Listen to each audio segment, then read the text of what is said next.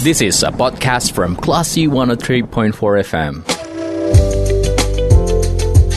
Sumbar melawan Corona, persembahan Classy FM.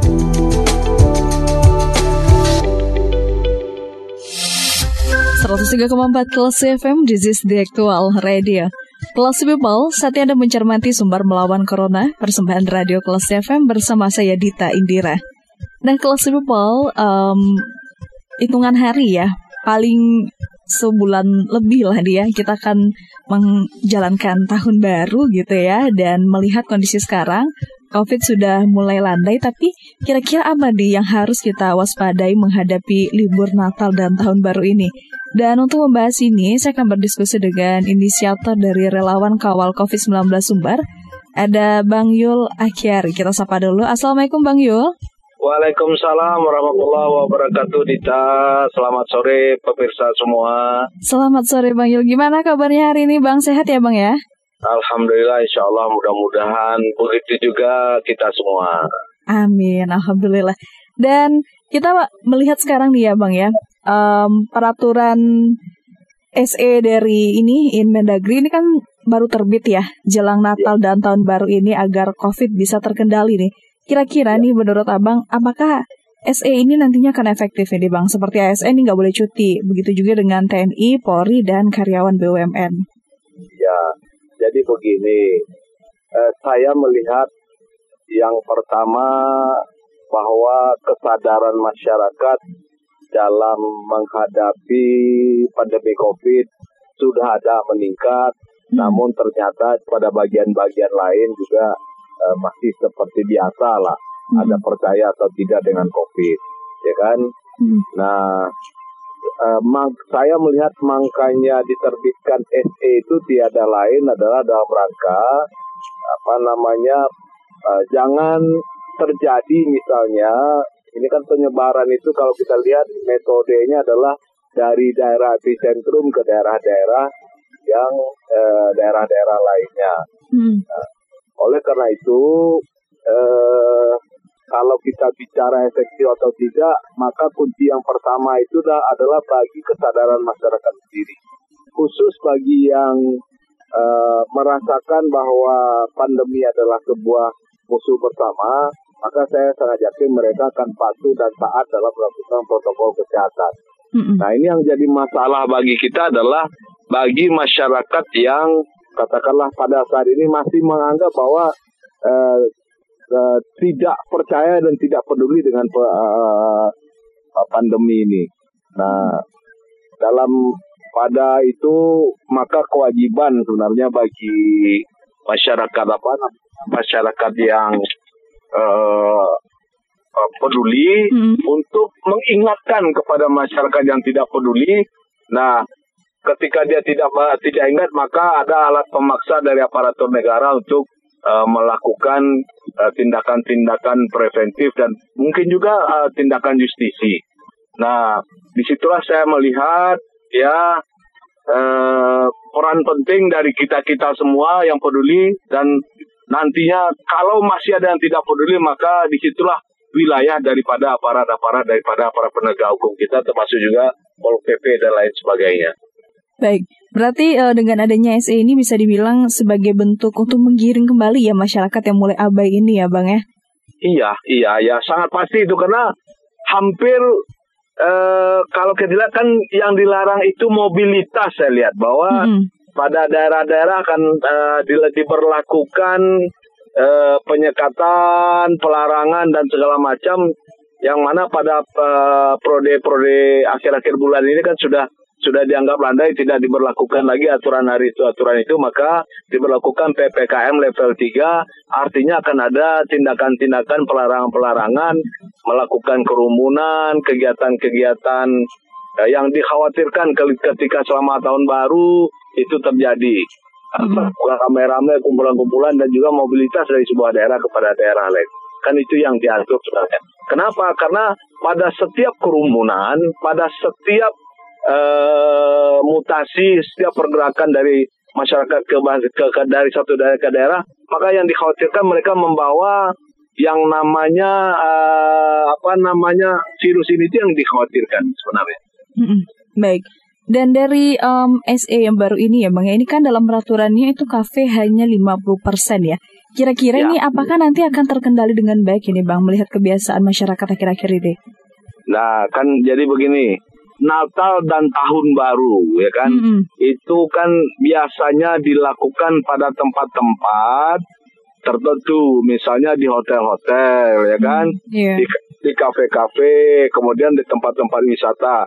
Maka penekanannya itu adalah sebenarnya pada tempat-tempat itu agar mereka ya jangan sampai melakukan kerumunan, keramaian yang barangkali di situlah terjadinya eh, perpindahan mutasi daripada virus ini.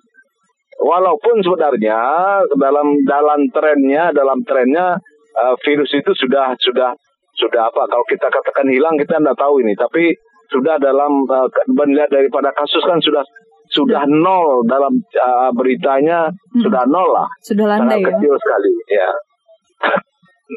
baik. karena maka penekanan itu adalah pada pengelola kan? Pak, maka berlakulah nanti ketika ada pelanggaran ya kan? Berlakulah kalau di Sumatera Barat ada yang namanya perda AKP kita itu.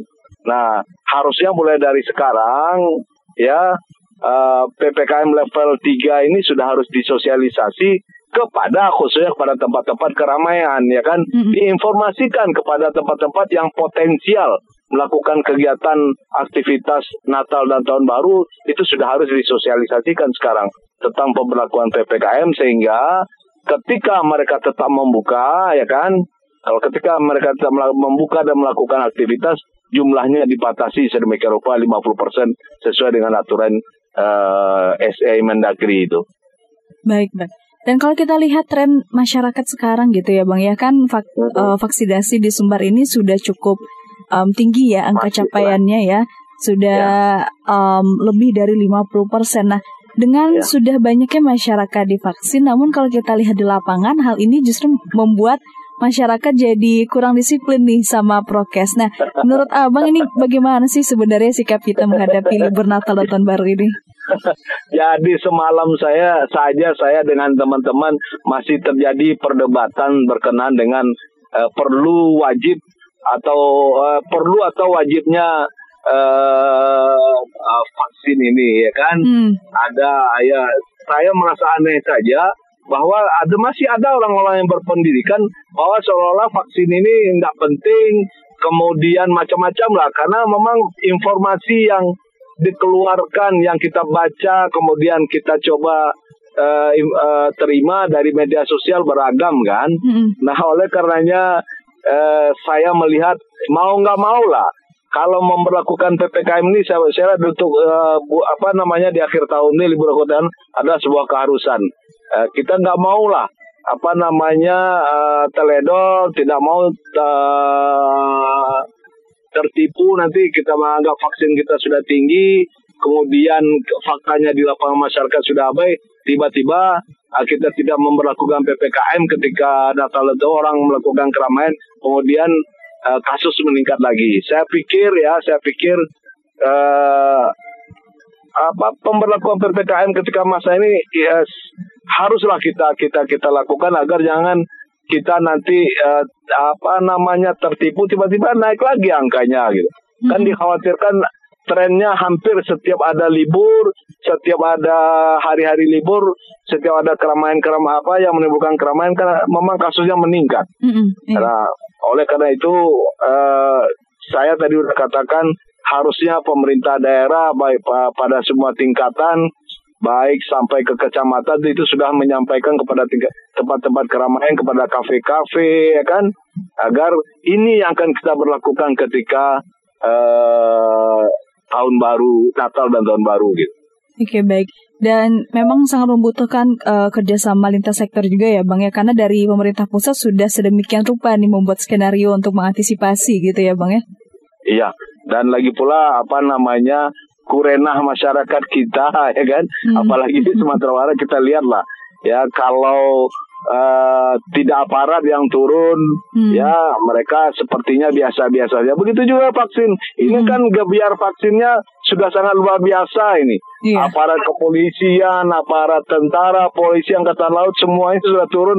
Ya mau nggak mau jemput bola dan terpaksa kadang-kadang kan? Hmm. ya. Yeah, betul sekali. Ya itu orang yang nggak mau vaksin rasa-rasanya tidak tidak merasa butuh dan tidak terpaksa ya kan akhirnya ya 50 persen harusnya memang saya lihat kalau mau herd immunity kita eh, akan kita anggap bahwa itu adalah sebuah kekuatan benteng terakhir kita harus kejar harus sampai 80 persen paling tidak eh, vaksinnya. Oke okay, baik bang dan um, secara garis besar ini sebenarnya adalah um, kebijakan yang tepat dan harusnya efektif ya untuk ya, um, ya. tidak terlena dengan kasus yang saat ini trennya mulai landai padahal di Eropa sana bahkan ada lagi gelombang ketiga gitu ya yang saat ini sedang uh, maraknya di sana. Dan iya. kita, kuncinya kalau udah hmm. begitu kan kalau memang di Indonesia sudah melandai ya kan kuncinya pintu-pintu masuk itu jangan dibiarkan. Hmm, sebenarnya yeah. kuncinya di situ. Awal masuk ke Indonesia kan gara-gara ketika di dunia sudah sudah ramai, hmm. kemudian sebagian negara juga sudah melakukan penyekatan dan penutupan wilayah Indonesia malah buka. Nah, hmm. sekarang kuncinya juga tetap begitu bahwa di dunia ada tren ketiga, ya kan? Harusnya, ya kan? Uh, dari belahan dunia lain itu yang disekat atau di, dilakukan upaya sehingga mereka nggak masuk ke Indonesia. Kalau sudah masuk ke Indonesia, penyebaran sangat mudah sekali. Mm-hmm. Kan yang akan menyebar itu dari luar ke, ke, ke, ke Indonesia. Dari Indonesia kalau di Jakarta ada disekat, pintu-pintu masuk sudah disekat, pasti tidak menyebar ke provinsi-provinsi lain atau ke kabupaten kota lain. Mm-hmm. Yeah. Nah, kuncinya saya lihat, ya tapi sudahlah karena uh, kita sudah sepakat semua dan itu harus diberlakukan di seluruh Indonesia, ya kita sangat sangat sangat terima. Tapi jangan lupa bahwa yang paling penting di dalam penyekatan ini adalah pada pintu-pintu masuk internasional gitu. Hmm. Baik. Dan agar um, SE ini efektif berjalan gitu ya Bang ya. Mungkin terakhir ya. juga sekaligus closing statement apa harapannya kepada masyarakat agar SE ini tidak sebatas SE tapi efektif untuk antisipasi kita bersama. Tidak tidak tidak ada kata lain. Mari kita patuhi uh, himbauan-himbauan ini, SE ini, semuanya adalah untuk kita. Kenapa? Betapa senang kita pada hari ini ya kan. Selama ini kita mengeluh anak-anak kita uh, dalam melakukan aktivitas sekolah, sudah di rumah kita sudah merasa bosan dan sudah merasa enggak enggak enggak enggak apa enggak eh apa namanya sudah, sudah ya? merasa kasihan melihat anak-anak masa ya sudah dari tahun kelas 1, dari kelas 2 belum masuk-masuk uh, nah Alhamdulillah sekarang kan mereka sudah masuk sekolah ya hmm. ya kan sudah melakukan pembelajaran secara baik. Nah akhirnya anak-anak kita tetap Baiklah Sipol, sepertinya ada gangguan jaringan ya. Um, kita sudah dapat poin-poin yang disampaikan oleh Bang Yul terkait dengan apa yang mesti kita waspadai dalam menghadapi libur Natal dan Tahun Baru dan semoga SE yang diterbitkan oleh pemerintah dalam beberapa hari ini bisa efektif berjalan dan kita bisa bekerja sama untuk mengantisipasi adanya gelombang ketiga dari COVID-19 di Indonesia. Kalau gitu saya Dita Indira, kita ke program selanjutnya. Terima kasih. Anda sudah mencermati program Sumber Melawan Corona. Cermati podcast obrolan ini di www.classfm.co.id atau download aplikasi Classy FM.